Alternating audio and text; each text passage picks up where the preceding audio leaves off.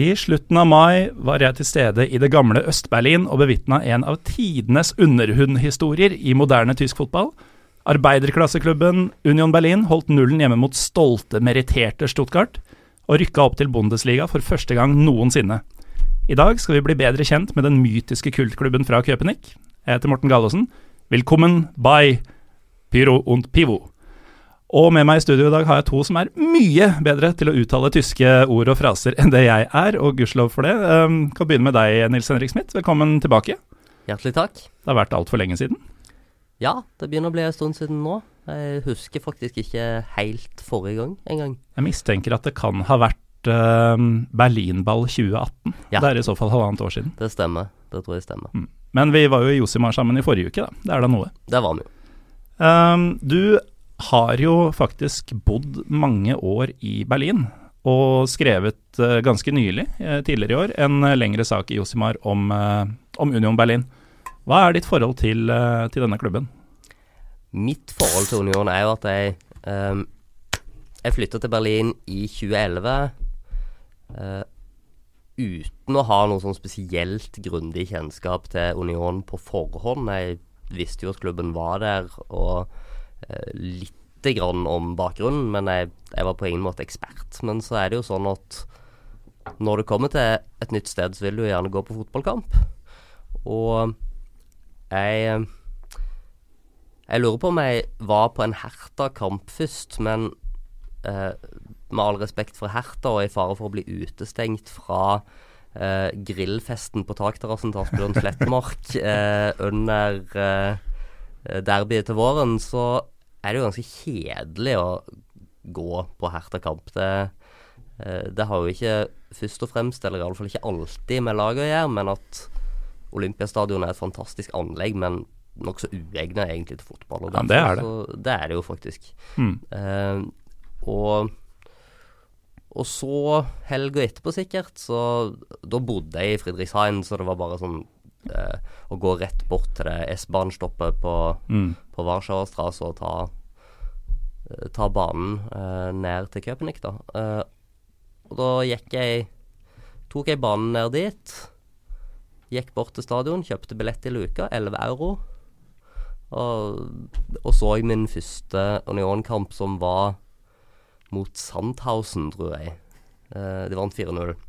Uh, Dette var 2011, sa du? Dette var 2011. Mm. Uh, så det forteller jo en del om hvordan ting har endra seg siden da. Mm. Uh, å kjøpe en billett i luka er ikke så lett i 2019. Nei, det er mildt sagt ikke lett. Jeg kan Men I alle fall. det var en hyggeligere fotballopplevelse, og det betydde at jeg også hadde en del flere besøk der i mm. den sesongen og andre sesonger. Og så, du er jo forfatter, og um, Friedrichshain er jo eh, litt sånn Oi, liten spray der. Uh, er jo et litt sånn um, hva skal vi si, kulturelt uh, område. Var det tilfeldig at du havna der? Dette er jo da, for de som ikke kjenner Berlin så godt, uh, sentrum øst, kan man kanskje si i dag? Ja, det er rett over brua for, for Kreuzberg, som er den eh, litt mer sånn kulturelle, intellektuelle bydelen i det gamle vest. da. Eh, eh, du tar banen over denne berømte Oberbaumbrücke som ligger der, og så kommer du til, til Friedrichshain. Og det, det, var ganske tilfeldig at jeg eh, havna der. Jeg søkte bare på eh, etter ledige rom på, på nettet, og så, mm. så havna jeg i et sånt eh, i en fin, gammel leilighet i Warszawa Strasse som var altså der alle bodde på korttidskontrakter fordi eh, en amerikaner hadde kjøpt hele gården og skulle lage dyre leiligheter for utlendinger der. Noe som nå har skjedd. Eh, veldig typisk. Ganske vanlig Berlin-greie. Ja.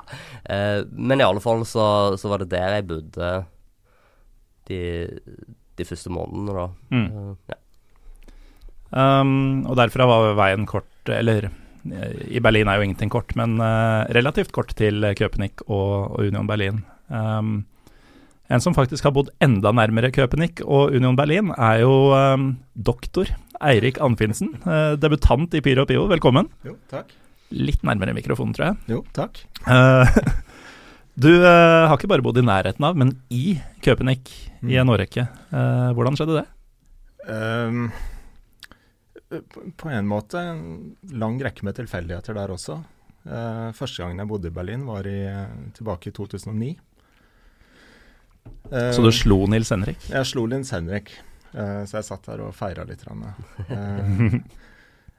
Eh, jeg flytta til eh, Berlin i 2009, eh, og litt som Nils Henrik sier, eh, du kommer til et nytt sted, det er spennende å dra og se hva som rører seg i fotballverden. Mm. Eh, jeg var nok også på en Hertha-kamp før jeg var eh, hos Union. Så er det den eneste her som har debutert i Berlinfotballen med Union. Det, det tar jeg til meg, Ja, for nå er, nå er jeg eh, i selskap med giganter innafor dette her.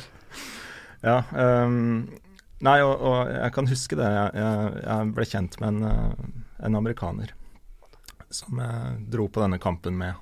Det var hjemme mot Energi Cottbus i 2009. Første sesongen til Union i uh, Zweite Bundesliga. Mm. Uh, og da Jeg kjøpte ikke billett til uka. Jeg dro ut til uh, Altofelsterei uh, et par dager før. Og gikk inn i det gamle skogvokterhuset som ligger foran hovedtribunet Mm. i dag. Uh, og rett og slett banka på en dør og spurte om eh, er det her dere selger billetter. og da fikk jeg kjøpt to billetter. Ja. Eh, og, ja. Og det, det Starter det sånn, så blir det fort sånn som det har blitt. Du sitter jo her i full eh, Union-mundur, og eh, Ja. Eh, nei, altså, Køpnik er et nydelig sted. Flytta litt, bodde litt fram og tilbake. Veksla litt mellom eh, Berlin og, og Ghana og Norge. som man jo gjør. Som man gjør. Uh, og flytta tilbake til Berlin i, i eh, ja, 2014-2015 sammen med min eh, nåværende kone, som er fra Berlin. Mm. Og fra øst. Og fra, fra Prenzlauer Berg. Mm. Um, vi bodde litt rundt omkring i Berlin, og, og jeg sa lenge til henne at en dag så flytter vi til Köpenick. Uh, rett og slett fordi gamlebyen i Köpenick er et av de vakreste stedene i Berlin. Uh, det ligger nærme Alterfesterei. Um, og før vi visste ordet av det, så, så flytta vi ned til gamlebyen. Mm. Eh, og så oss egentlig aldri tilbake, fram til eh, eh, jobbhverdagen uh, innhenta oss og sendte oss tilbake til Oslo. Alt godt må eh, ha en slutt, som man sier. Dessverre, men også eh, greit nok. Men vi, eh, vi har jo møttes et par ganger eh, over noen eh, Pivo eh, denne høsten, Eirik. Og eh, du og kona var jo i årene i, eh, i Berlin, og spesielt i Köpenick, eh, begge sesongkortholdere på Mm. samme tribune. Og da fortalte du at dere hadde en eh, kanskje deiligste sånn kampdagsritualet, eller i det hele tatt kampdagsplan, som man ofte har i Tyskland, tydeligvis. Fortell litt om den. Ja, nei, altså det er jo Det er jo litt slik da at når man bor i Når man bor midt i, midt i gryta, alt jeg vil si, så det er vanskelig å ikke la seg, la seg eh, fange. Eh, Så vi eh, spesielt når vi spilte Dette var jo i Bundesliga, selvfølgelig, så det var jo veldig få lørdagskamper. Mm. Men spesielt på søndagskampene så, så brukte vi jo Ofte sto vi opp ganske tidlig, lagde en god frokost og drakk en flaske med musserende. Er det, for nå er vi klare for kamp. Ja, I dag er det kampdag. Ja. Og så er det gjerne litt tid å slå i hjel, og da var det på med klær. Altså, vi hadde på oss klær mens vi eh, spiste frokost òg, men jakken Hvordan du og din kone spiser frokost, doktor Anfinsen, det skal ikke jeg legge meg opp i. Ja, nei, det kommer vi fort tilbake til senere. nei da. Um, så da er det etter den frokosten, slapper av litt, varmer litt opp uh, hjemme. Så er det å gå ned til Slottsplats, hvor det ligger en uh, dønersjappe. Så er det å kjøpe en døner, uh, eller en børek for kona, som er vegetarianer, uh, og en eh, pils eller to. Mm. Så er det å sette seg ned ved dame og spise døner og rusle langs Louisenhain og over brua opp mot uh, Köpenick. Men det, dette var altså på søndager, Dette er på søndager. fordi da er jo kampstart gjerne klokka ett i andre Bundesliga. Det var Ja. altså en, en eh, bedre frokost med Prosecco, og så ut og kjøpe døner før eh, kamp. Ja, altså Sultne folk, du og kona. De sto opp tidlig, da. Ja, Ja, det er kanskje ja, det. det. Står opp tidlig, er godt sulten, har ikke spist hele lørdagen, naturlig nok. Eh, og nei da, det, er, det var ikke alle dagene. Man faster den, eh, dagen før eh, kamp. Kampfasten. nei da, det, det var jo ikke hver eh, søndag hvor den eh, flaska med musserende gikk ned til frokost. Men, uh, men det ble garantert i hvert fall den døneren og et par pils på vei til stadion. Og Mm. som oftest så var det tima slik at når vi kom over um, broa som går fra gamlebyen og over Spre, så brukte båten eh, å komme fra midten.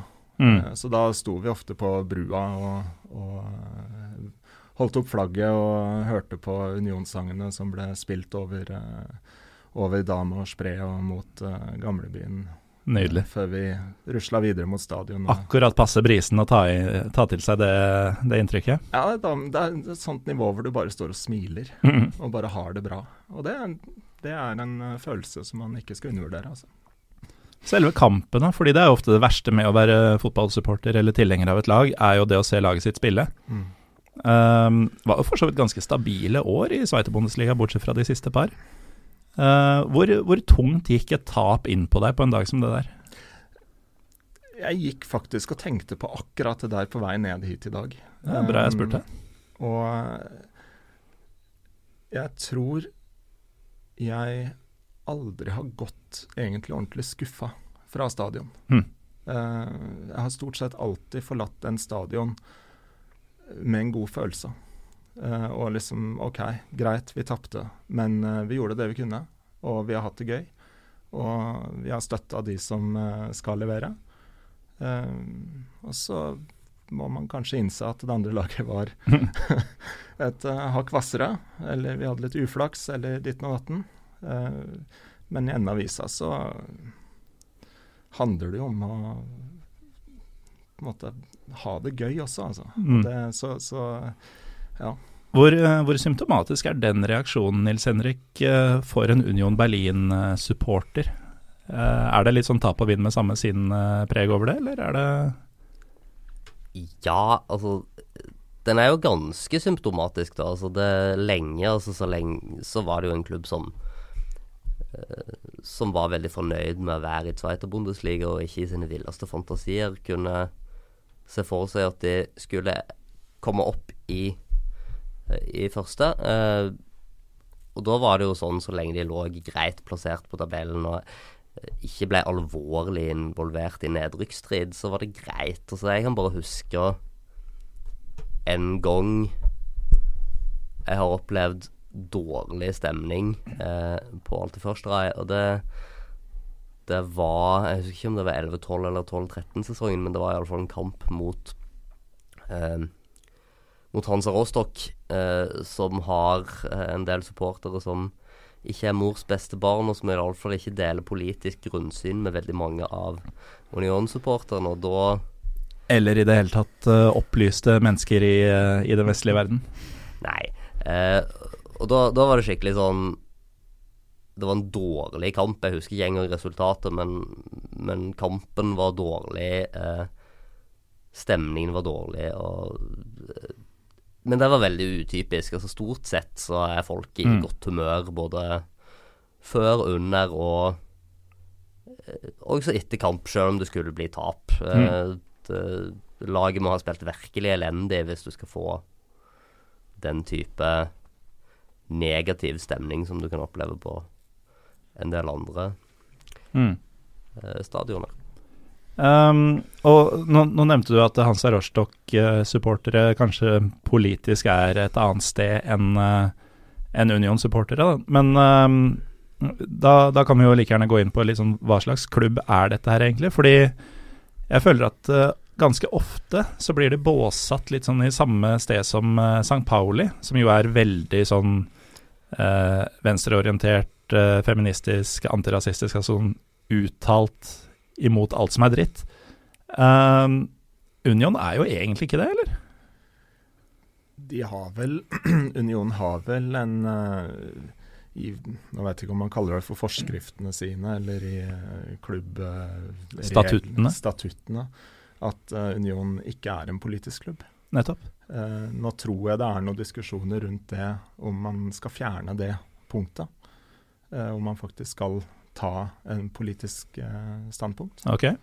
Eh, uten at jeg kan si noe mer om Mm. det, men jeg tror det var et tema for siste medlemsforsamlinga, uh, blant annet. Det, altså, Union er jo i en litt dobbel situasjon der, fordi eh, blant veldig mange av supporterne, og dels også i selve klubben, selv om de ikke sier det offentlig, så Det er jo en sånn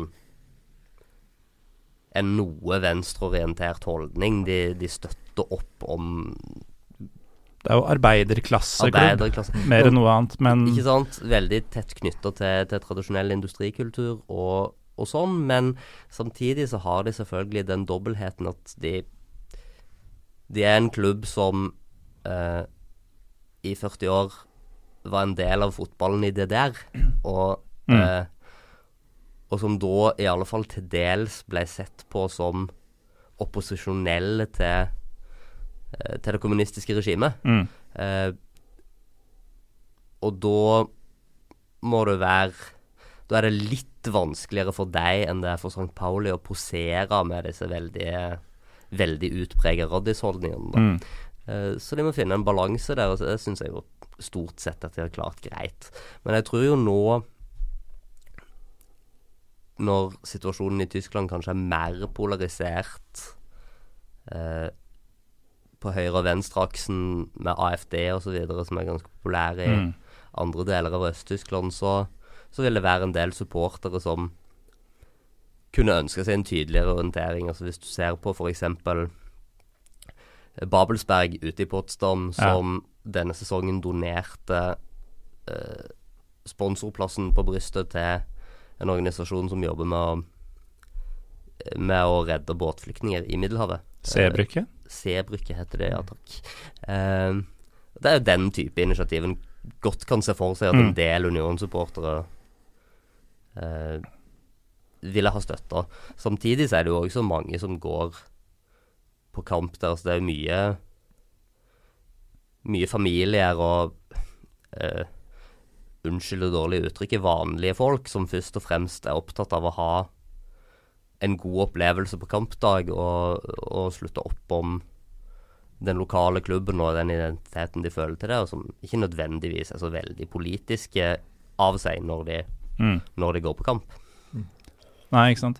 Uh, I stedet for Sebrik, uh, Eirik, så var det jo mange som, eh, som så humoren i at nå som eh, Union Berlin uh, rykka opp til eh, de store, så var det plutselig en litt sånn eh, veldig kapitalistisk eh, hovedsponsor på plass på brystet fra Luxembourg. Uh, Ja. Around Town ble det i stedet for Sebrykket. Hva, hva var eh, reaksjonene på det? Altså, folk var jo ikke For identiteten er jo uhyre viktig for Union Berlin, og det vi prøver å finne ut her, er hva er den identiteten, hvis den ikke er politisk? Ja, altså Der må jeg kanskje korrigere meg selv litt. eh. Union Berlin er i aller høyeste grad en politisk klubb. Uh, uten at de har en uttalt politisk agenda, eller de tar en Mm. Mm. veldig tydelig posisjon. Det er en, det er en klubb som, uh, som i sin historie og i eh, sin medlemsmasse eh, har en veldig politisk karakter. Mm. eh, som henger, i, eh, henger veldig sammen med dette med, som Nils Henrik forteller, om, om deres posisjon i, i gamle Øst-Tyskland. Um, akkurat det med Around Town, det er nok eh, mye av kritikk, kritikken mot eh, akkurat det med Around Town er nok knytta til en generell utvikling i Berlin, Mm. og ikke så mye akkurat Union. Og det- Hvordan det? Nei, Litt som dere diskuterte helt i begynnelsen, dette med eiendomsmarkedet. Mm. Eh, og at eh, Union, nei, Unions, ja. Eh, Berlin er en by som, eh, som i større og større grad blir eh, kjøpt opp eh, av eh, eiendomsmoguler og, og rike utlendinger. For de Mm. har hatt et veldig gunstig eiendomsmarked i, i veldig mange år. Um, og Ja, for det har rett og slett vært for mange leiligheter i Berlin, i og med at de bygde både i øst og vest, og så plutselig var alt samla. Nemlig. Um, og, og, um, en konsekvens av dette er jo at uh, veldig mange berlinere som kanskje ikke har god råd altså Berlin er jo ikke en spesielt rik uh, by. Uh, de, de, sliter med å faktisk finne steder å bo mm. i byen. Og, og, og, mye av den kritikken mot Around Town var, var nok knytta til akkurat den dynamikken, sånn jeg tolka det. Mm. Hva, hva er Around Town? Det er vel en uh, sånn investor, eiendomsinvestorer fra Luxembourg uh, eller noe sånt. Ja, og det er vel nå De har kjøpt seg ganske mye opp i det tyske markedet og er den fjerde største aktøren, tror jeg, på, på det private eiendomsmarkedet. Og det er, altså, den der greia, det er spesielt i Berlin, men også i Tyskland generelt, så, så er det der med med boligpolitikken ekstremt heit potet. Mm. Og alle har veldig sterke følelser knytta til det. Jeg, jeg, har opplevd flere ting sjøl i løpet av den perioden jeg bodde der. Um, i, nå i Køln så, så, bodde jeg igjen et sånt sted som skulle utvikles mer for mm. rike utlendinger, da. Og da hadde de som faktisk bodde der og prøvde å motsette seg dette, hadde hengt opp et sånt banner der det sto 'Wer hier kauft, kauft erger. Altså den som kjøper her, kjøper trøbbel. Samtidig så husker jeg en kveld altså med, der jeg bodde, så, så kom det plutselig noen, sånn, noen, jenter som bodde i naboleiligheten på døra, og de var de var livredde fordi det rett og slett hadde vært torpedoer hos dem. eh, som, som truer med konsekvensene på vegne av de nye eierne, hvis de ikke frivillig flytter ut. Ja. Dette er sånn Det er et veldig komplekst eh, problemfelt når det gjelder akkurat det med utleiekontrakter. For teknisk sett så kan du trenere og flytte ut veldig mm. lenge, mm. selv om du har fått ordre om det. Men, eh, men de hadde da rett og slett blitt trua. Og jeg har også opplevd et annet sted jeg bodde, at eh, at uh, en tyrkisk familie med fem barn regelrett ble satt på gata. Det ble henta ut mens mm. vi så på. Uh, den type ting. Altså det, det, er veldig brutalt. Uh, fordi en del folk rett og slett ikke klarer de økende utgiftene. Og det gjør at alle sånne ting er problematisk. Det, du vil få en del motbør når du velger å samarbeide med en, ja. et utenlandsk eiendomsselskap. da. Mm. Men altså e, en politisk klubb uten en politisk agenda, en uh, historisk posisjon som uh, opposisjonell til det kommunistiske regimet gjennom, uh, gjennom de 25 årene ca. Som, som, Union Berlin i sin nåværende form eksisterte før, før muren falt. Um, men på hvilken måte er klubben annerledes fra de andre, Eirik? Eller hvilke måter, kanskje? Ja, um, jeg tenker i to sekunder her. Um, en av de tingene som Grunnen til at jeg spør deg, er at du ble ganske, ganske sint da vi snakka om uh, noe lignende for en tid tilbake. Um, ja, si sint Ja, ja, ja fordi, uh, fordi du, uh, du, følte at klubben fikk uh, uberettiga kritikk for å, for å prøve å skille seg ut Uh, mens klubben egentlig bare er som den alltid har vært, uh, var det du sa. Men uh, Ja. det er jo en klubb som alltid har vært en annerledes klubb på mange måter. Sånn at det har stått opp mot et regime. Det er en, en klubb som um, har vært på en måte en Eller første Føsterei har vært en arena hvor også etter De at mange som har følt en tilhørighet til gamle Øst-Tyskland, på et vis har hatt en arena hvor de kan uttrykke sin identitet som østtyskere. Mm. Ja, selv, eh, selv, i nåtiden, holdt jeg på å si. Selv altså, i nå, nåtiden. Altså, jeg, jeg, dette har jo blitt en eh, Nå rundt 30-årsmarkeringen av murens fall, så, så, har det jo vært uh, mye diskusjoner rundt uh, hva er det egentlig som har skjedd mm. uh, etter murens fall. og man begynner å se Eh, flere og flere stemmer som uh, forteller litt mer nyanserte historier enn enn uh, hva man kanskje har vært vant til å høre. Rundt frigjøringen av Øst-Tyskland og, mm. og, hele pakka. Eh, og Alte Føsterei, eller det jeg prøver å si, er eh, folk som tidligere gjerne har følt en identitet og tilknytning til gamle Øst-Berlin, til gamle Øst-Tyskland, Mm. uten å nødvendigvis rettferdiggjøre regimet. Mm. Der man er født og oppvokst i et, i et land, man har en identitet eh, som er knytta til et sted og en nasjon. Ja, du er østtysker. Eh, du er østtysker. Eh, og det er, eh, er noe som ble revet fra en.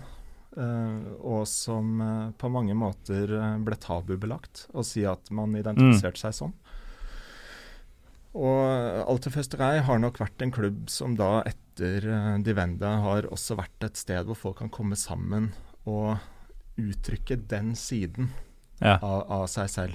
Og uttrykke tilhørighet til denne Mm. klubben som var en stolt østtysk klubb som ikke var på lag med regimet, men som repres representerte en identitet eh, som ellers kanskje var veldig vanskelig å uttrykke. Det så Mm. man under regimet òg, med Dimaua Mosvek. At det var et sted man kunne uttrykke seg, Mm. uh, og hadde en frihet. Uh, på 90-tallet og frem til i dag har vært et sted man kan uttrykke at man lar seg ikke kjøpe av Vesten. Mm. Uh, uten at man blir uh, sett på med argusøyne og, og satt i en bås. Ja, helt til Around Town kommer med, med pengeboka. Men uh, du nevner Di Mauer Mosveg. Dette er jo et av mange mytiske mm, aspekter ved Unions historie. Altså et eh, slagord som ble ropt eh, ved frispark til motstanderne under DDR-tiden, eh, Nils Henrik. For, eh, for det første, hva, hva betyr Di Mauer Mosveg? Det betyr jo bare muren må vekk. Ja. Eh, og når du eh, roper det i Øst-Berlin, så har du jo relativt eh, er det jo relativt åpenbart eh, hva det refererer til. Eh, og hele historien om Union og muren er jo for så vidt ganske kompleks, fordi eh, på slutten av 50-tallet så, så fant det sted et slags skisma i i Union, eller de hette jo ikke Union på den tida, de hette eh, Sportsgemeinschaft Motor Berlin, eller et eller annet sånt. Et av de mange fjollete Eller navnene. Oberschöne Weide? Eh, De fikk jo ikke lov til å bruke Union. eh, Nei. Eh, men på slutten av 50-tallet så skjedde det at eh, det laget vant Eller ble nummer to i Berlinligaen, sånn at de kvalifiserte seg for å delta i det nasjonale mesterskapet. Dette er før Bundesliga oppretta. Mm. Eh, men så fikk de ikke lov til å reise til Hamburg for å spille eh, For å spille bortekamp, eh, siden det var i Vest-Tyskland. Og da Da defekterte, rett og slett Det er vel ikke rett ord på norsk, men deserterte, heter det vel. Store deler av laget deserterte og spilte resten av kampene sine i uh, i Moabit, på Poststadion, der Norge for øvrig slo Tyskland i 36-OL. Mm. Uh, Altså over i Vest-Berlin. over i Vest-Berlin. Uh, og det ble værende der, da. Og det ble etablert et slags parallellag i i vest. Eh, og de var ganske gode. De kjempa i toppen i Berlinligaen eh, på slutten av 50- og begynnelsen av 60-tallet. Eh, og drog masse tilskuere, også fra Øst-Berlin. Men så, i 1961, når muren kom opp, så ble det jo ikke lenger mulig å reise til Vest-Berlin for å gå på fotballkamp, og da fikk det opprinnelige Union-laget tilbake tilskuerne sine. Mm. Så der er det jo en litt sånn eh, En typisk sær DDR-fotballhistorie. Men samtidig så var jo Så var jo eh, Union, som de etter hvert ble kalt fra 1966, en eh, en klubb som utvikla seg stadig tydeligere i opposisjonell retning, da, delvis fordi Altså lenge så hadde du jo eh, Forwärts-Berlin, som var eh, Som var den ledende klubben i byen, men det, det ble flytta til Frankfurt av Nåder, på grensen til Polen, Mm. eh, på et tidspunkt. Og da ble jo Da ble Dynamo stadig mer dominerende, og eh, Og etablerte seg tydeligere som Som erkefienden til Union, siden de Tilfeldigvis eh, De tilfeldigvis- statens kjæledegge. Ja, de, de var jo styrt av, av Stasi og og oppnådde jo stadig større suksess med til dels mer tvilsomme metoder av det. Mm. Eh, men da får du jo også en sånn årsak-virkning-effekt, ikke sant. Altså eh, Union blir sett på som en opposisjonell klubb. Da utøver den selvfølgelig en viss tiltrekningskraft på eh, på forfattere og øh, akademikere og Ja. intellektuelle. Opposisjonelle Som også Ja, opposisjonelle generelt. Silent majority, kanskje? Ja, men det var, en, det var et sted der det var mulig både for ehm, uh, Både for ehm, arbeiderklassen, som jo er grunnlaget i klubben, og andre, å uttrykke misnøye med Mm. regimet. Samtidig som det ikke Som du sier, så At en var imot DDR-regimet, betyr ikke nødvendigvis at den er fri for nostalgi for Øst-Tyskland. Mm. Eh, så det Som det meste som har med med historie å gjøre, så er det jo komplekst. Men Ikke sant? der ligger grunnlaget for at Mm. klubben har blitt det den er i dag, da, vil jeg si. Men altså hvis eh, Når man vet hvor, eh, hvor stort Stasi var, da, siden du nevnte dem At eh, man sier jo at rundt hvert middagsbord så var det i hvert fall én informant. Å rope 'muren må vekk' når man har frispark og motstanderen har satt opp mur, og alle vet hva det egentlig betyr, var det farlig? Altså nå vet vi at det er sivilpoliti på, på tribunene til Rosenborg, så jeg kan jo bare tenke meg hvordan det var hos Union. Ja, altså det har jo garantert vært folk fra Stasi på kampene, det sier seg sjøl. De, de var overalt, men samtidig så er nok en Altså et fotballstadion, der har du en såpass En såpass kompakt gruppe at det, det blir litt vanskelig å ta enkeltindivider for å ha Mm. ropt 'muren må vekk'. I tillegg så eh, var jo statens offisielle holdning helt til muren falt at den ikke eksisterte for å hindre eh, østtyske borgere i å komme Mm. ut, men for å hindre ondsinna kapitalistiske Ja. agenter i å komme inn. Eh, De det, kalte den vel for den antifascistiske beskyttelsesmuren. Ja. Eh, så jeg tror det skulle mye til for å eh, For å bli tatt kun for å ha ropt uh, De Maumos vek på, på Union-kamp, men de noterte seg jo alt mulig, og i kombinasjon med andre ting så kunne det jo kanskje føre til at enkeltpersoner havna i et register over Mm. mistenkelige eller potensielt farlige personer som en måtte følge med på. Men uh, Di Mauer Mosveg er jo en av mange ting vi, vi skal innom som er, som er en ting Union er kjent for. En annen er jo eh, at fansen bygde stadion. Men eh, hvor sant er det, Eirik? Nei, det er jo eh, Det er jo en, eh, en sannhet. Men de var ikke alene om det, kanskje? De var jo ikke alene om det, naturlig nok. Men det var vel Det ble vel lagt ned noe sånt som ja, 140 000 eh, gratis arbeidstimer av Mm. eh, i overkant av 2500 eh, fans. eh, over en eh, lengre tidsperiode for å, for å sørge for at eh, eh, klubben hadde på en måte fasilitetene til å faktisk kunne spille i Zweite Bundesliga, bl.a. Mm.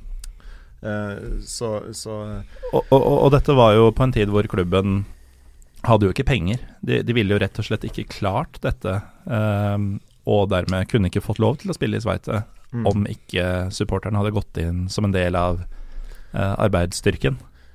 Nei, det er helt riktig. Og, og det var jo en periode hvor, eh, hvor eh, de sleit eh, med å kunne betale lisens eh, for å spille.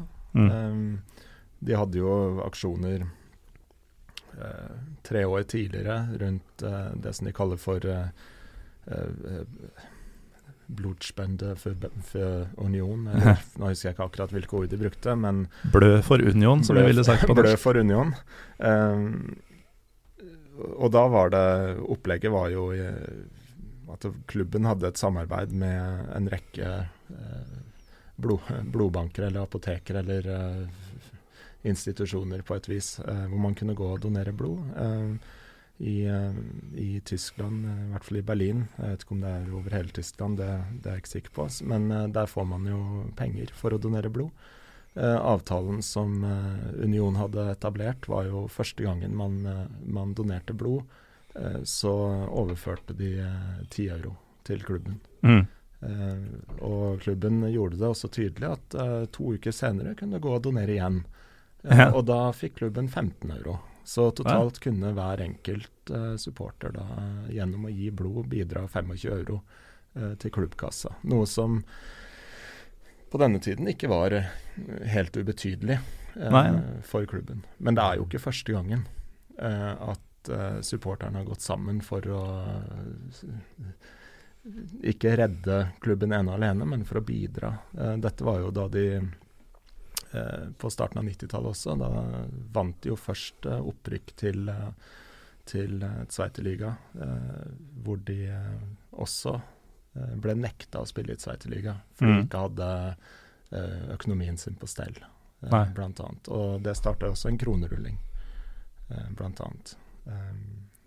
Og de møtte en del det er en ganske interessant Men dette er en mer uh, holdt på å si, tradisjonell kronerulling? At man samla inn vanlige penger, eller? Ja, det var å samle inn mm. penger og, og ikke per liter blod, men faktisk per, Nei, det er klart, mark? Det er symboleffekten ved at det per liter blod er, er, er, selvfølgelig mye, mye sterkere. Mm. Men poenget mitt er at dette å gi blod ble sett på som et virkemiddel for å, mm. for å hjelpe klubben mm. på beina. Uh, og en veldig attraktivt, uh, for det kosta ikke noe fra egen lomme. Nei, det kosta noe fra egen kropp. Men, mm. men det var like fullt et virkemiddel for å hjelpe klubben. Mm. Det er ganske badass sånn isolert sett, selv om forresten alle som kan bør gi blod. og ikke nødvendigvis for din klubbe i ditt hjertes skyld, men bare fordi det er en bra ting å gjøre. Men det, er jo noe badass uansett. og Eh, la folk tappe blodet ditt mm. fordi du er glad i et fotballag. Det er ganske intimt. det mm, var det, det Det var en eller annen Getafe, tror jeg det var, som hadde en kampanje for å få um, supporterne sine til å gå og donere til sædbank i Madrid. Um, ikke for at klubben skulle tjene penger nå, men for at uh, det skulle fødes flere Hetafe-fans i fremtiden. Som om det er en genetisk betinga Ja, ja. Oh, artig vri. Mm. de, de, fikk i hvert fall oppmerksomhet på det. Ja, ja. Som, eh, som, antropolog så stiller jeg meg umiddelbart ganske skeptisk til akkurat den teorien.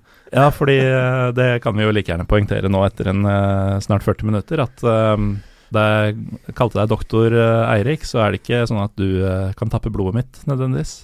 Nei, altså Jeg kan alltids finne en måte å tappe blodet ditt på. Men uh, ikke på forsvarlig vis. Nei. nei. Jeg har for så vidt heller ingen planer om å gjøre det. Uh, nei, jeg er ingen medisinsk doktor. Uh, jeg er, har en doktor i sosialantropologi. noe som på mange måter egentlig har også farga min interesse for fotball. det tror jeg på. Opp, opp gjennom åra. Uh, det er litt morsomt, for det er litt sånn når du sitter med disse doktorgradene, det er en ganske ensom prosess. Uh, ja, jeg vet. Og, og, og, du blir mer og mer måte, lei av deg selv og, og dine egne tanker etter hvert. Så jeg må innrømme at uh, noe av det, noe av det mest uh, attraktive ved å fullføre den doktorgraden for min del, var at jeg kunne begynne å bruke doktortittelen. Ja. Um, Altså, jeg, jeg opplevde liksom at det er så mange skjemaer hvor man kan velge tittel, altså doktor. Mm. Men etter at jeg fikk doktortittelen, så syns jeg at det er færre og færre steder man kan gjøre det. Det eneste stedet som jeg er registrert med doktor som tittel, og det er synlig, det er på sesongkortet og medlemskortet mitt i Union Berlin. ja, og det er jo et godt poeng, for i Tyskland så, så er jo dette med doktortitler veldig viktig. Mm. Um, tyskerne er ikke på langt nær så, eh, så opptatt av altså formell tiltale og den type ting som mange som har lært tysk på skolen i Norge, tror. Men akkurat det der med doktortitler er eh, Hadde en gammel nabo en gang som eh, Doktor Fetting.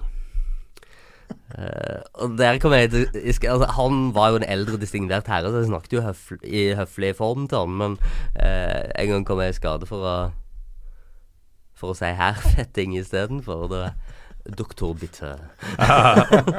Iskaldt og nådeløst. Uh, så det betyr en del, og det er jo hyggelig for deg, da, som som faktisk er doktor, at du kan smykke deg litt med det når du er ja, ja, i Tyskland. Ja, absolutt. Det er vel litt underlig at det er Union Berlin liksom, hvor, man skal, hvor, man faktisk skal skille seg ut. Men, uh, men, det er litt Jeg vet ikke om det er tilfeldig at uh, vi flytta til Oslo ganske kort etter at jeg faktisk ble doktor. Ja, uh, for det, det, ble litt mye.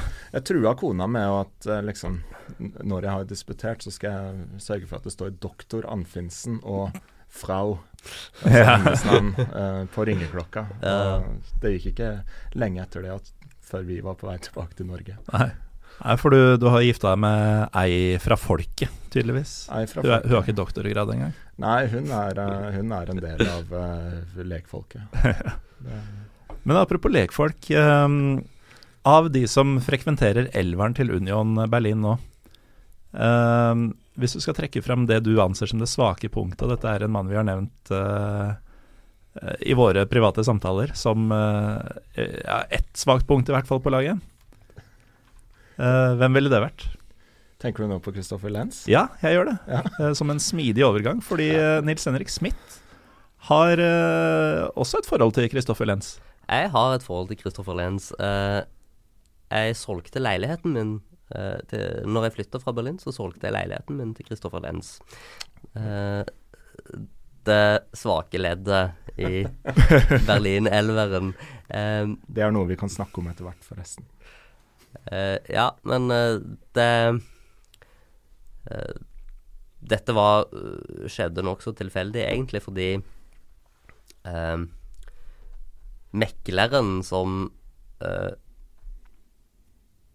når jeg kjøpte leiligheten min, eh, var Christopher Lenz sin mor.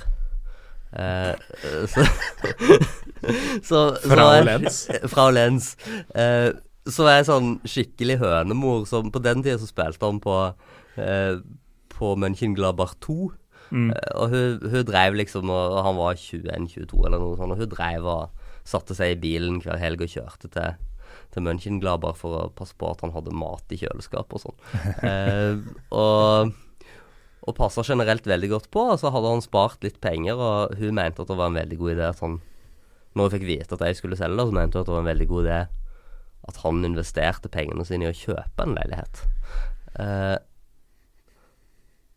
og dette er jo sånn som ikke akkurat ville fungert så veldig bra i Norge, at eh, mekleren som på en måte sitter på begge sider av mm. bordet.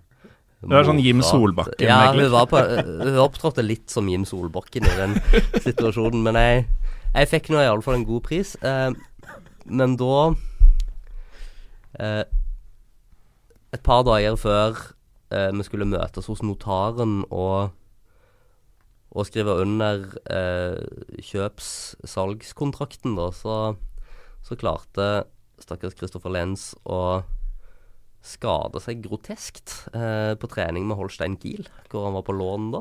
Mm. Eh, og, og ankom da eh, kontraktsmøte i taxi direkte fra sykehuset eh, på krykker. Eh, men eh, det er nå så sin sak. Kontrakten ble underskrevet, og om han er i den leiligheten fremdeles, det vet jeg jo ikke, men jeg Er den også i Friedrichshain, eller er det Neukölln, eller hvor, eh, Nei, dette hvor er, er jo, eh, dette er jo faktisk teknisk sett i Spandau, så det er langt oh, ja. fra Men eh, Nei, da tror jeg han kan direkt. bedre med Bundesliga-lønn og Ja, så det er jo direkte S-bahn fra Spandau. Ja, men, det er det jo. Som alle berlinere Men den er lang. Hæ? Ja, den er veldig lang.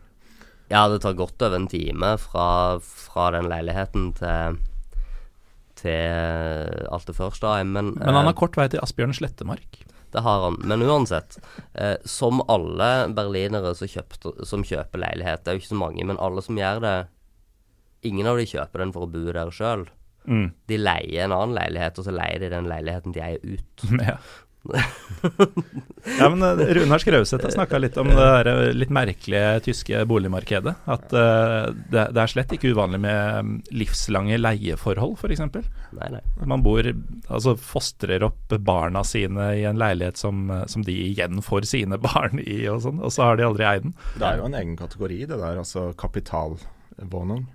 Ja, ja. Altså kapitalleiligheter. Så man, da kjøper man det med leiebordet. Mm. og man kan jo ikke sånn umiddelbart si opp leiekontrakten eh, fordi at man har kjøpt leiligheten vi kjøpte i, Nei, kjøpte, sier Leiligheten som vi leide i Köpnik, bytta eier uh, i hvert fall én gang i det løpet. Mm. Uh, som var noe vi aldri egentlig var involvert i. Det, det, husker jeg jo godt fra når jeg kjøpte den leiligheten. For da, da, kjøpte jeg den jo nettopp fordi de som bodde der, faktisk skulle flytte fra den. Mm. Veldig mange av leilighetene jeg så på, var sånn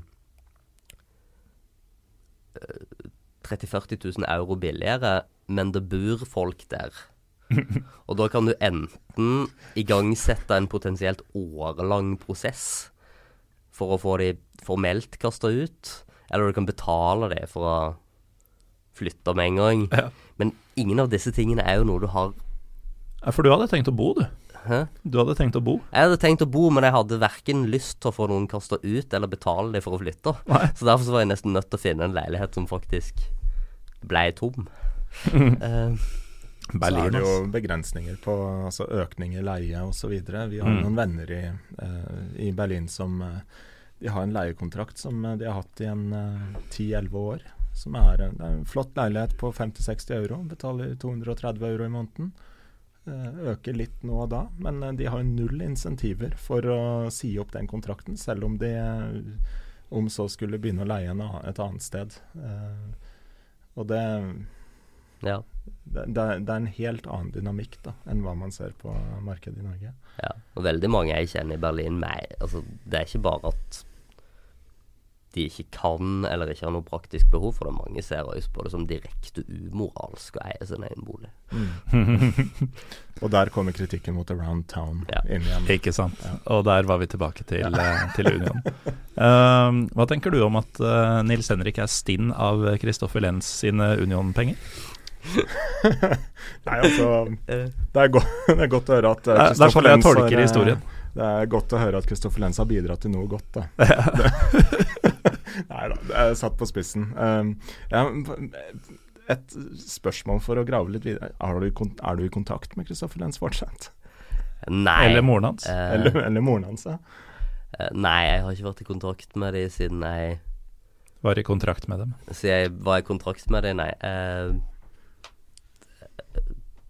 nei, jeg tror ikke jeg har Kan selvfølgelig være at jeg har fortrengt noe her, men jeg tror ikke jeg har snakka med noen av dem siden jeg flytta.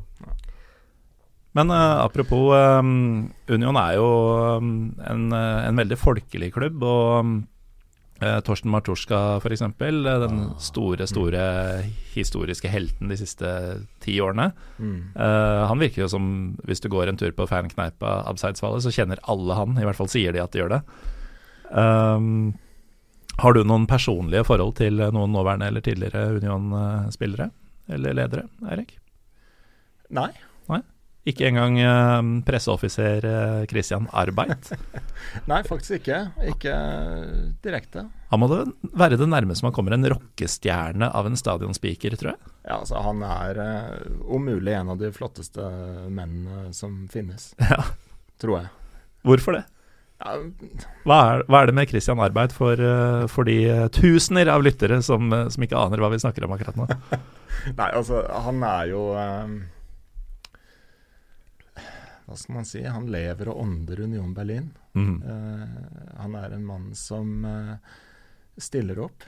Han, han, slår, uten at jeg kjenner ham personlig, han slår meg som en ekstremt sympatisk type. Det må han være. Uh, og det er, det er litt sånn avstandsforelskelse, som jeg tror hver kampdag på Alterfestrei så er vi 20 eh, 000 som står og er avstandsforelska i Christian mm. Arbeid. Og se håndbevegelsene hans når han uh, roper uh, 'und niemals vergessen', ja. og han svinger neven, og publikum svarer Uh, og du bare ser på hele hans, altså hele hans tilstedeværelse ute på Mm. det gresset. Dette mener Det han. oser han, han er ikke Christian Arbeid da. Da er han Alte Føsterøy.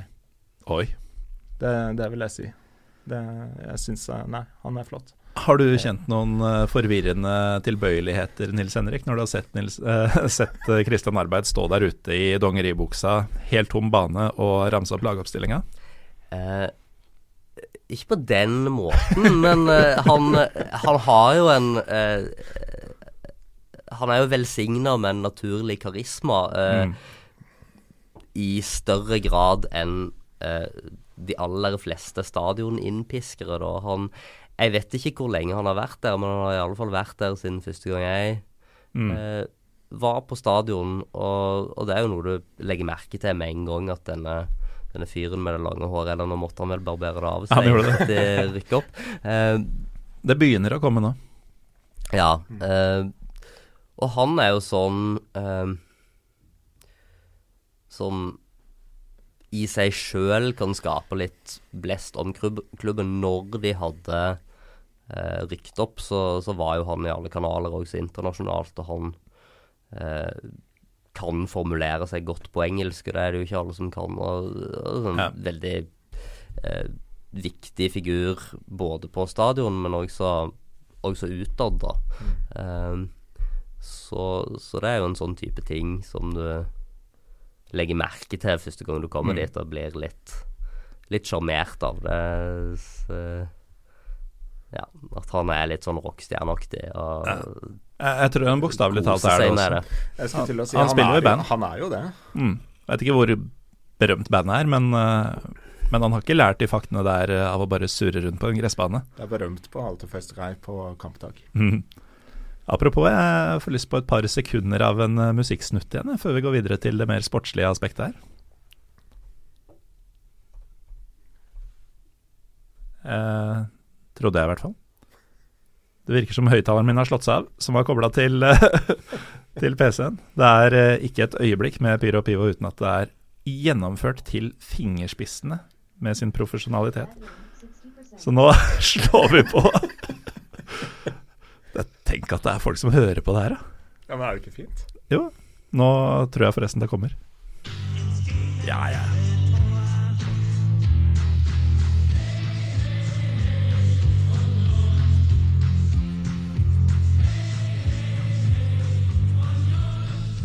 Det er jo veldig enkelt og greit. Men øhm, grunnen til at jeg ville spille akkurat det der, øhm, tror jeg du kan forstå, øh, Eirik. Eh, Det var for øvrig Achim Menzel med 'Stimmung in der alten Försterei'. Nå tror jeg ikke vi har sagt det. Vi har nevnt Alte Försterei flere ganger. Det er altså stadionet til Union Berlin. Og med min begrensa tysk så betyr da tittelen her 'stemning i Eller stemninga i eh, Alte Försterei'. Um, jeg var jo og så, som jeg nevnte innledningsvis, um, opprykkskampen mot eh, Stuttgart i våres.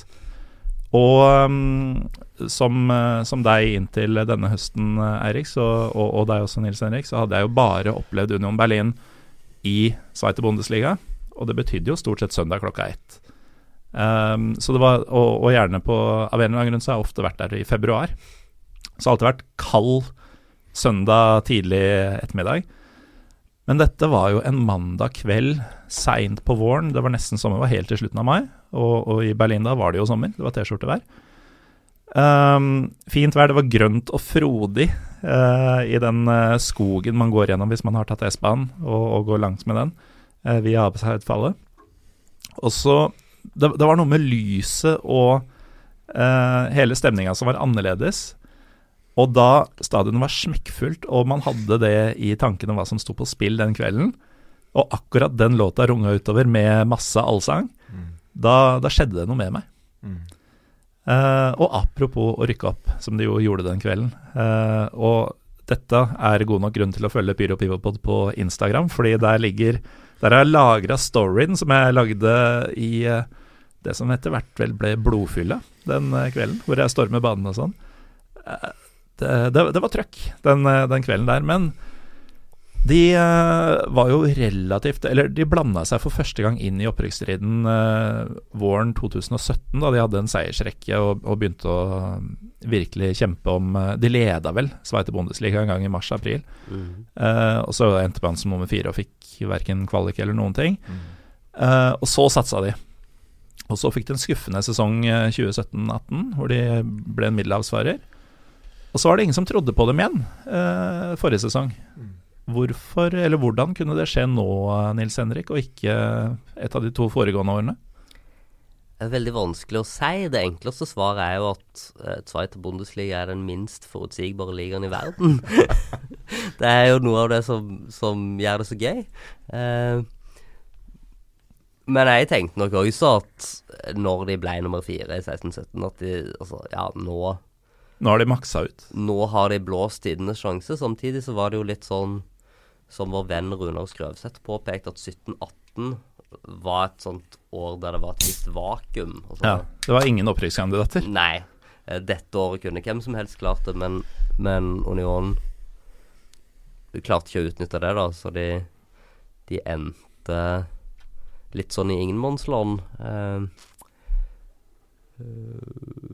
og sånn sett det Vi var jo der på den siste seriekampen i 1718, Mm. da de har feira 50-årsjubileet for uh, den store triumfen i klubbens historie i den østtyske cupen. Ja. Uh, Den store triumfen i klubbens historie er den østtyske cupen fra 1968. ja, uh, det er jo det.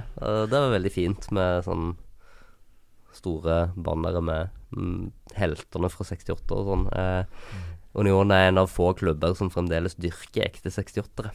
Eh, men uansett, jeg Det var jo overraskende at de eh, Men det var jo sånn hele våren var jo også ganske kaotisk, der det på et tidspunkt På et tidspunkt så alle lag til, ut til å for all del ikke ønsker å rykke opp. Eh, Mm. og, det, var mye sånn eh, Mye rot. Ja. Eh, alle kunne klart det direkte, alle sto i fare for å gå glipp av det. Men så, når de først kom i den playoffen, da, så, så viste det seg at de hadde en slags urkraft som gjorde at det var mulig å vinne over Stuttgart, som er en mye større og mer tradisjonsrik klubb, men som selvfølgelig var i litt sånn panikkmodus, fordi Mm. For deg er det jo aldri greit å rykke ned. Nei. Uh, Med en ganske nybakt verdensmester på laget og ja, ikke ikke måte sant. Eh, så, så det var jo uh, ille for deg, men for å ta en ny musikalsk referanse, da, så skildra jo Elf Freund, det tyske fotballmagasinet, skildra jo den hei, altså returkampen i, i playoffen som en Motorhead-konsert av en fotballkamp. det er jeg inntrykk av at er ganske representativt ut fra folk som var der. Ja, det, det kan godt være. Um, mot uh, verdensmester Pavar uh, den kvelden, uh, Eirik, så sto um, riktignok uh, ikke på samme sidelinje, men um, Julian Ryerson Mm. fra, fra det blide Sørland. Mm. Han spilte jo faktisk returkampen og var med på å holde nullen som høyreback. Uh, hva tenker du om å ha en nordmann på laget? Jeg syns det er veldig kult. Uh, og så syns jeg ganske rått at han faktisk spilte den kampen. Mm. Uh, han er jo ikke gammel. Og, eh, Og han, altså, han hadde stort sett spilt på nest øverste nivå i Norge. Ja, nettopp. Eller eh, det Jo, det hadde han jo. Og det å da komme inn og skulle faktisk spille en, eh, en så viktig kamp i en eh, gryte som Ja, nervøs gryte, Mm. alt som Alter Førstrein var den kvelden, det Og det, det gjorde han eh, på en god måte òg. Mm. Altså, jeg, jeg syns uh, Ryerson er en, en spiller som uh, Han har jo ikke hatt mange innhopp denne sesongen. Nei. Eh, eh, men jeg tror det han er en, en spiller som har et eh, bra potensial i, i Union. Han er jo eh, den de går til så fort eh, Trimmel på høyrebekken ikke kan spille. Det er akkurat det. Og, og så, så, sånn sett så kan man jo si at han er kanskje bare en skade unna å, være i startelveren, men eh, Uten at man skal sitte her og håpe på skade Nei, på nei, kapteinen og ha Trimmel der. Ja. Eh, Det er klart det er vrient når den du Altså posisjonen du konkurrerer om, er det kapteinen som har, men, Mm. Men Ryerson er jo sånn Altså, den første gangen jeg så han live, var jo i den U21-kampen på Marienlyst, hvor Norge slo Tyskland 4-1. Ja, Da så jeg han òg, da. Eh, ja, det stemmer. Vi var jo der i fellesskap. Det var vi. Uh, så Han er jo en fyr som har potensial, men i Bundesliga i år så står han vel med offisielt med ett minutt Mm. mot Hertha. Eh, som eh, Det er jo en bra kult kamp minutt å få, da. Ja, bra kamp har vært inne på i. Jeg, jeg gikk på en, eh, en liten Twitter-blemme her for et par dager siden. Ja. Heldigvis så har ikke jeg en stor hærskare av følgere. Uh, for da fikk jeg tilsendt en, en sak om at uh, Ryerson hadde signert for uh, Chemnitz. ja vel. Som jeg la ut, da. Tok for god fisk. Ja. Ja. Og Men det har han ikke. Det har han ikke. Altså, Det er et rykte som ikke eksisterer lenger, og som jeg kan av avkrefte. regionalligaklubben med nynazistiske fans var ikke en, destinasjon for han eh, her og nå. Jeg syns det var et rart valg. ja. Uh, apropos når vi nevner Herta-matchen. Uh, du var en tur innom, var du ikke? Jeg titta innom, Mm. gjorde det. Det var eh, Hva skal man si? Det var, en, det var et Ja, hva skal man si? Ja. eh, jeg husker ikke så mye av selve kampen. Nei. Det var en, en fotballkamp som var veldig lite spektakulær. Uh, det var lite eh, interessant som, fulgte, altså som skjedde på banen, egentlig. Mm. Uh, litt fordi det var så mye som skjedde rundt kampen. Eh, og selve fotballkampen drukna bokstavelig talt i bluss og raketter og eh, banestorminger, eh, eller forsøk på banestorminger, som eh, vi kan komme tilbake til. Ja, det, det må vi ha i margen her. For det er noe av det rareste jeg har sett, faktisk. Men jeg må si, altså det, det var en um, En ting som vi har snakket om litt nå, eh, og denne kampen eh, Ditt tidligere spørsmål, eh, Morten, om eh, jeg noen gang har gått fra stadion eh, og på en måte kjent på en form for skuffelse. Mm. Eh, når vi snakker om den 16-17-sesongen hvor Union var oppe og leda, og første gangen vi sto på Gengerad og sang 'Spitzenreiter, Spitzenreiter', ikke sant? Serieleder. Eh, ja. Uh, og på en måte Det var vel ni kamper før sesongen var slutt at vi lå på toppen. Mm. Uh, på en måte det Den nedturen som eh, man på en måte nesten forventa, men som også opplevde at skjedde utover den våren der, da kjente man litt på litt uh, frustrasjon. Um, Mm. det, det må jeg innrømme. Da var det flere også som uttrykte en sånn Herregud, dette hadde vi. Hva skjedde nå? Mm.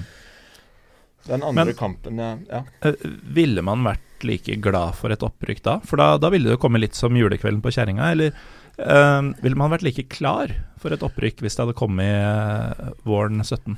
Jeg tror nok at det som skjedde det året, gjorde at klubben som helhet eh, la enda mer til rette for et opprykk. Ja, Eh, At de skjønte at dette kan skje, Dette og kan skje. Eh, da forbereder vi oss til det?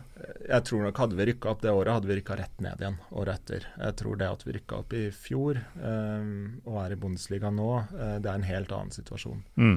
Eh, men samtidig så er det noe med at man, man kjente på det, at eh, dette kan vi klare. Og så tapte man eh, kamp etter kamp og mista Mm. poenger på overtid og, og hele pakka. Ja. Uh, så, det, så der må jeg si at det var faktisk en periode hvor man kjente Mm. på den derre eh, Kanskje ikke så mye skuffelse som en frustrasjon da, over at hvorfor får vi ikke til dette her? Og det var nok mye den mentale siden rundt, rundt uh, fotballen. Mm. Uh, den andre, andre tilfellet hvor jeg har kjent på en litt sånn ubehagelig følelse ved en kamp, det var den Herta-kampen nå, Ja. eh, faktisk. Eh, og snakka med, med kona mi om det. Vi var jo på kampen sammen. Eh, fløy nedover for den kampen, og det var første gangen eh, hvor vi kjente på et ubehag på stadion. Eh, På hvilken måte? Eh, det at det ble skutt raketter mot publikum. Mm. Og det var én ting. Eh, nå er det samtidig litt sånn ja ja, vi, så, vi står såpass nærme Waldseite, altså der hvor ultraene står, at det er ikke noe, de kommer aldri til å klare å treffe oss. Nei, for langt unna, rett og slett? Ja, for langt unna. Mm.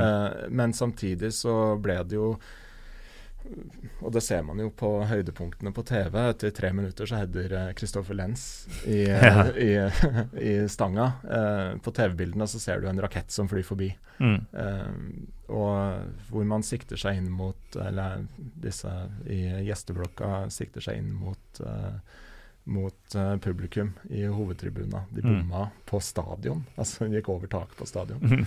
um, Samtidig så var det en uh, litt sånn underlig følelse den kampen, for vi kom inn Jeg har aldri opplevd Alltid Førsterei så trang. Altså, det er tett der. Ja. Det er intimt.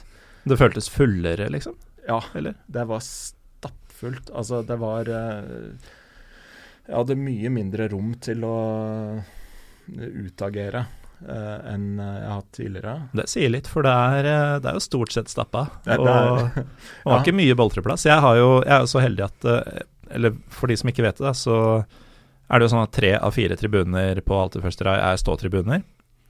Så det er ikke sånn at du finner setet ditt og, og koser deg. Du, du, må faktisk komme med tidlig for å velge plassen din.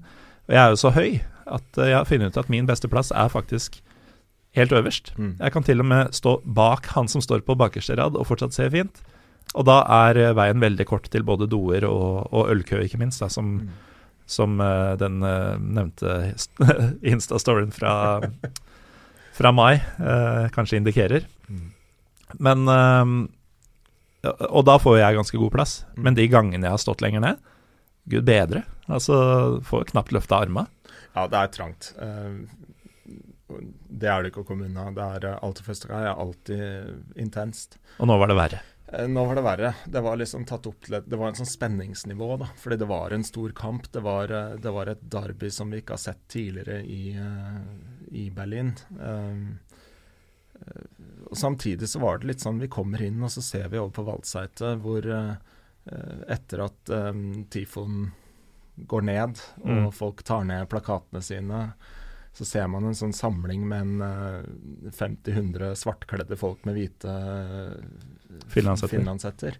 Uh, som er litt sånn, Det ser man ikke så ofte, for som ofte så er det liksom folk står med flaggene og folk står og, og, og synger. Men det var liksom en sånn anonym masse mm. blant ultraene som var litt sånn vi så på, Det var litt sånn ubehagelig å se på. Uh, og utover i andre omgang så var det kona mi som, som påpekte at bare sa sånn Hvor ble det av dem?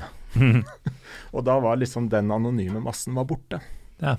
Og da er det store spørsmålet, og det var det flere av oss som sto uh, på Gengradet, som, uh, som, er da uh, langsida. For de var såpass tydelig anonyme at folk merka at de ikke var der lenger? Ja, det er en slående ironi. Mm. men man begynte liksom sånn OK, nå er det noe som er i ferd med å skje. Og det var jo før de hadde nærma seg uh, gressmatta. Uh, de klatra opp på gjerdet og begynte å henge um, Hertha Berlin-skjerf og, og, flagg og drakter mm. over gjerdet. Uh, jeg mistenker at det var planer om å egentlig brenne det. Ja, det var det. Ja. Øst-Europa-trikset. Ja. de gjorde det heldigvis ikke. Uh, Herta-supporterne gjorde jo det i litt det mindre grad. Ja, Men det var noe som ble brent uh, på, av Herta-effekter også? jeg er ganske sikker på. Ja, ikke som jeg så. Men ikke men hele kan, det, teppet teppet som du prater om, kanskje? Det kan godt hende at det skjedde, altså, eh, mm. og at vi ikke så det. Eh, men det, det, var litt sånn Det var gjennom hele kampen så var det en litt sånn eh, anspenthet på ja. tribuna.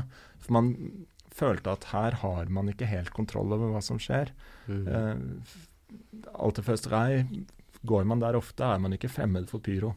Man er ikke fremmed for stemning og intensitet og aggressiv roping og liksom Eller en gjesteblokk som skal vise seg. Ja, ikke Fordi sant? Nå, nå, har vi kommet hit kanskje for første gang. Ja, det, det er man ikke fremmed for. Uh, men dette var på en måte tatt et steg videre, hvor man hadde en, uh, en intensitet som, som, jeg ikke har kjent på på stadion der før. Uh, og som, som, var litt sånn tidvis litt ubehagelig, da. Også, mm. Men så kom jo, ikke sant nå ser, ikke, ser, man ikke at det gjør gåseøyne her, men høydepunktet var jo eh, da du fikk eh, disse som forsøkte å storme banen, ja. og du hadde Rafa Gikiewicz eh, som eh, opptrådde som målmann og, og sikkerhetsansvarlig. Passa linja si, han. Ja, rett og slett. Eh, det er noe av det flotteste jeg har sett. Dette er altså de anonyme gutta som du prata om tidligere, som nå skulle inn på banen for så å ta seg over til Herta-gjengen? Ja, de skulle banke Herta-anere. Mm. Og, og keeper Gikiewicz med eh, Altså, når som helst under kamp så har han det villeste blikket du noensinne har sett et menneske ha. Eh, han tok på seg jobben og bare stoppe de gutta her. Jeg vil anbefale alle som ikke vet hvem det er, bare søke opp Union sitt lagbilde og mm. se på øynene til keeperen. Ja. Altså, han, han, ser ut som en dypvannsfisk som har kommet til overflaten. ja, det er akkurat det han gjør. men med et ikke et dødt blikk, men med et intenst blikk som mm. sier 'trå varsomt'. Ja, eventuelt 'få meg i vann'. Ja. men én uh, ting med den situasjonen der, som uh, ble poengtert i en, en annen podkast som heter 'Tekstilfaggen', um, i etterkant av den her, uh, Herta-kampen. Kristoffer Lenz ble jo trukket frem der. Um, ja. Hvor folk var veldig glad for at Kristoffer Lenz gikk opp og stoppa Rafa Gikiewicz. Fra å gjøre hva? Nei, det er det man helst ikke vil vite. Så ja, Kristoffer ja. Lenz var en liten uh, helt der som hindra sikkerhetsansvarlig på Alterfesterei til å gjøre noe han angra på. Ja, det, det er jo interessant, for han er jo altså jeg har jo møtt han et par ganger privat, og han er jo en veldig stille og forsiktig fyr. Gikiewicz eller Lens? Lens. Ja, Lens. Jeg tror ikke Gikiewicz er det. Dette er jo for øvrig En utsøkt høflig ung mann, men jeg hadde liksom ikke tenkt at han eh, ville klare å stoppe denne spinnville dyphåndsfisken når han først har eh, kommet i siget. Så der er jeg litt imponert. Nå som vi er et par måneder inn, eh, Nils Henrik, hvordan syns du Union takler livet i Bundesliga? Både som klubb og som lag? Ja, uh, de Jeg syns jo de takler det fullstendig tilfredsstillende. Jeg har ikke så god innsikt over hva som skjer i det indre liv i klubben. Som, som Men framstår de som samme klubb som du kjenner? Bortsett fra akkurat dette med våre luxemburgske eiendomsvenner, så er det jo eh, Det er jo et veldig vanskelig spørsmål å svare sånn helt enkelt ja eller nei på, men i mangt og mye ja. Altså, de eh, Når jeg Det er jo en klubb som Det har jo utvikla seg. Altså, når jeg først besøkte stadion, så så var det jo relativt enkelt å å få billett. Og det var heller ikke den greia med at Det var jo nokså fullt, stort sett på hver kamp, men det var ikke alltid helt fullt. Og det var heller ikke den greia som, som du har sett de siste sesongene, med at absolutt alle som er på stadion, fra spedbarn til oldinger, er kledd i Union-utstyr. Mm. Eh, som absolutt minimum har folk i det minste et skjerf, for veldig mange er kledd i drakt eller genser. Eller, altså, mm. Det er et rødt hav. Det er farger. Uh, men sånn var det ikke nødvendigvis i 2011. Uh, eh, så der har det jo Men det er jo positiv utvikling, da, vil jo mange hevde. Det er det jo absolutt. Eh, og så sportslig så har de åpenbart blitt ganske mye bedre siden 2011. eh, og de, de, ligger jo der de ligger i dag, og det er på sikre plass etter 11 runder. Og da kan de selvfølgelig også ligge der etter, etter 34. Eh, noe jeg er helt enig i at neppe hadde skjedd hvis de hadde rykket opp to år tidligere. Da hadde mm. de omtrent garantert gått rett ned. Men det som selvfølgelig er en forskjell, som jeg var inne på innledningsvis, at første gang jeg var der, så koster billetten 11 euro. Og nå koster den 16. Eh, hvis du kjøper den eh, i løp i Men jeg, en nordmann som ikke hadde noen tilknytning til klubben, kunne bare gå dit og kjøpe den. Mm.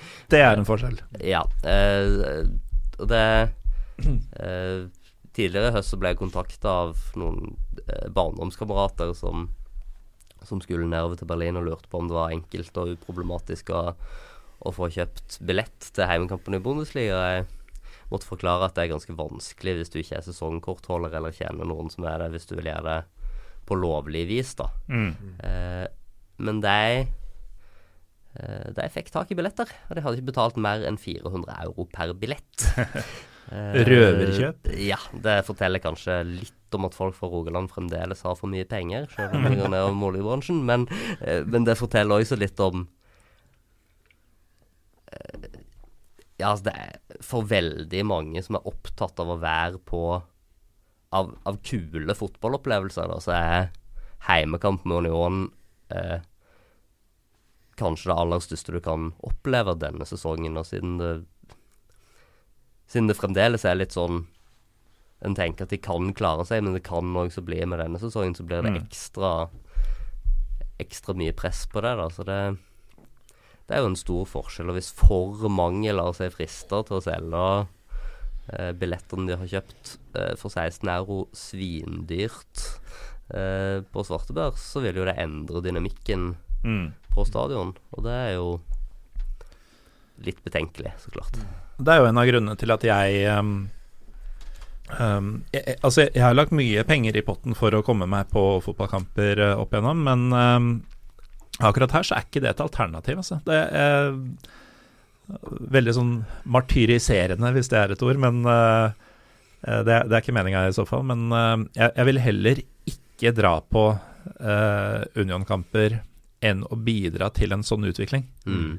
Eh, litt sånn som Var vel Josimar Pilegrimene som ødela sitt paradis, eller noe sånt, som handler om Premier League-publikummet fra Norge. Ja. Som, eh, som har vært med på å gjøre at det Liverpool som pappa introduserte for deg i 1992, uh, fins jo ikke lenger. Nei. Og, og det er litt din skyld. Ja, det noe sånt.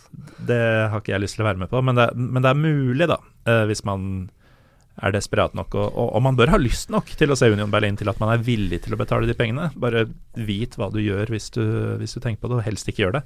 Det er jo um, Det selges billetter hver eneste kampdag rundt S-Bahn Köpnik, Mm. eh, f.eks. For, ikke for 400 euro, men Mm. for kanskje 30 euro. Ja. Og til og med har jeg hørt eh, noen nordmenn som gikk dit og fikk dem for utsalgsprisen. Så er man villig til å ta den sjansen og liksom Dra billettløs til Berlin. risikere, en helg i Berlin og kanskje få med seg en Union-kamp. Ja, ja. Eh, da- Eller risken er å kanskje ikke få med seg en Union-kamp, Ja. da. Ja, Men, men du har fortsatt en helg i Berlin. Nemlig. Um, så, så er det mulig, altså, Mm. tenker Ja. jeg da. Før vi gir oss, eh, gutter, hvordan ender Unions eh, Bundesliga-eventyr? Eller altså denne sesongen, da. Det er ikke sikkert det ender, men ja. Ender det med denne sesongen, eh, Nils Henrik? Nei, altså her velger jeg å være optimist eller naiv eller sentimental eller hva du nå måtte kalle det, og satse på at de, de klarer seg akkurat eh, på håret, men jeg, jeg håper sterkt nok at de skal klare seg, at jeg velger òg så tror jeg det. Hva sier du, Eirik? Alt er mulig med Anthony Uja på laget. Alt er mulig med Anthony Uja på laget, og med Kristoffer Lenz på laget. Ja. Eh, en mann som for øvrig er blitt mye, mye bedre gjennom sesongen. Han har faktisk det. Han har eh, Han starta svakt, og han var eh, Jeg var jo på én match denne sesongen, så jeg kan jo krysse av eh, med glede og har vært på Følstera i, eh, i Bundesliga-sammenheng. Det var jo den eneste gangen jeg har sett Union tape live, og det var mot Verde Bremen. Og da var Lens uh, skyldig i å lage et straffespark, blant annet. Ja. Så da var jeg ganske irritert. ja, jeg har kun sett Union tape én gang denne sesongen. Mm. Så Jeg jeg, jeg skal bare fortsette å, fortsette å dra. Ja. Uh, nei, jeg tror uh, denne sesongen eh, Jeg er veldig imponert over hva Union har levert så langt. Mm. Eh, jeg syns eh, mange av kampene vi har avgitt poeng, så har vi likevel klart å spille god fotball. Uh, Mangla kanskje det lille ekstra. Um, verste kampen i år var Leipzig, eh, men det var eh, en. Eh, serieåpning, første Bundesliga. Veldig mye som skjedde rundt kampen. Eh, så den tror jeg at man kan på en måte avskrive som et uh, unntak. Mm. Um, jeg tror vi er, kommer til å Jeg velger å være veldig optimist. Jeg tror vi kommer til å bli værende i Bundesliga ganske komfortabelt. Oi. Jeg tror vi ikke kommer til å være uh, nede i uh, suppa helt på de siste rundene. Så jeg bør slutte å bekymre meg hver gang jeg ser at Augsburg får med seg et poeng her og der og sånn. Det er liksom ikke så relevant som jeg tror det er. Ja. Ja, nice. Ok, det var akkurat det jeg trengte før vi går inn i Nå er det jo snart uh, klubbfotballhelg igjen. Det er på tide. Du skal vel nedover du og se Gladbach eh, komme på besøk? Jeg flyr på ma mandag morgen, holdt jeg på å si, på lørdag morgen eh, nedover. Det blir jo en eh, Det er vel, eh, så langt jeg vet, første gangen Union faktisk spiller mot eh, serieleder i Bundesliga, Og det kan jo hende. hvis jeg ikke tar helt feil. Ja. Eh, og det blir, det blir et durabelig oppgjør. Sist gang vi hadde en landslagspause, så gikk vi fra fire tap på rappen til å ha tatt tre serie... Uh, tre Så- poengere i serien. Så får vi se hva denne internasjonale følelsen her har gjort med oss, om vi, vi nå går på fire tap. På rappen. Men uh, Nei, det er ikke sånn det funker. Nei. Eh, takk, eh, Nils Henrik Smith. Bare hyggelig. Sjøl takk. Takk, doktor Eirik Anfinsen, Jo. for at dere var med. Um, takk til dere som hører på. Følg gjerne PyroPivopod på Twitter og Instagram, og sjekk ut nettsiden vår pyropivo.com om du vil. Og så høres vi neste uke. Eisern! Union!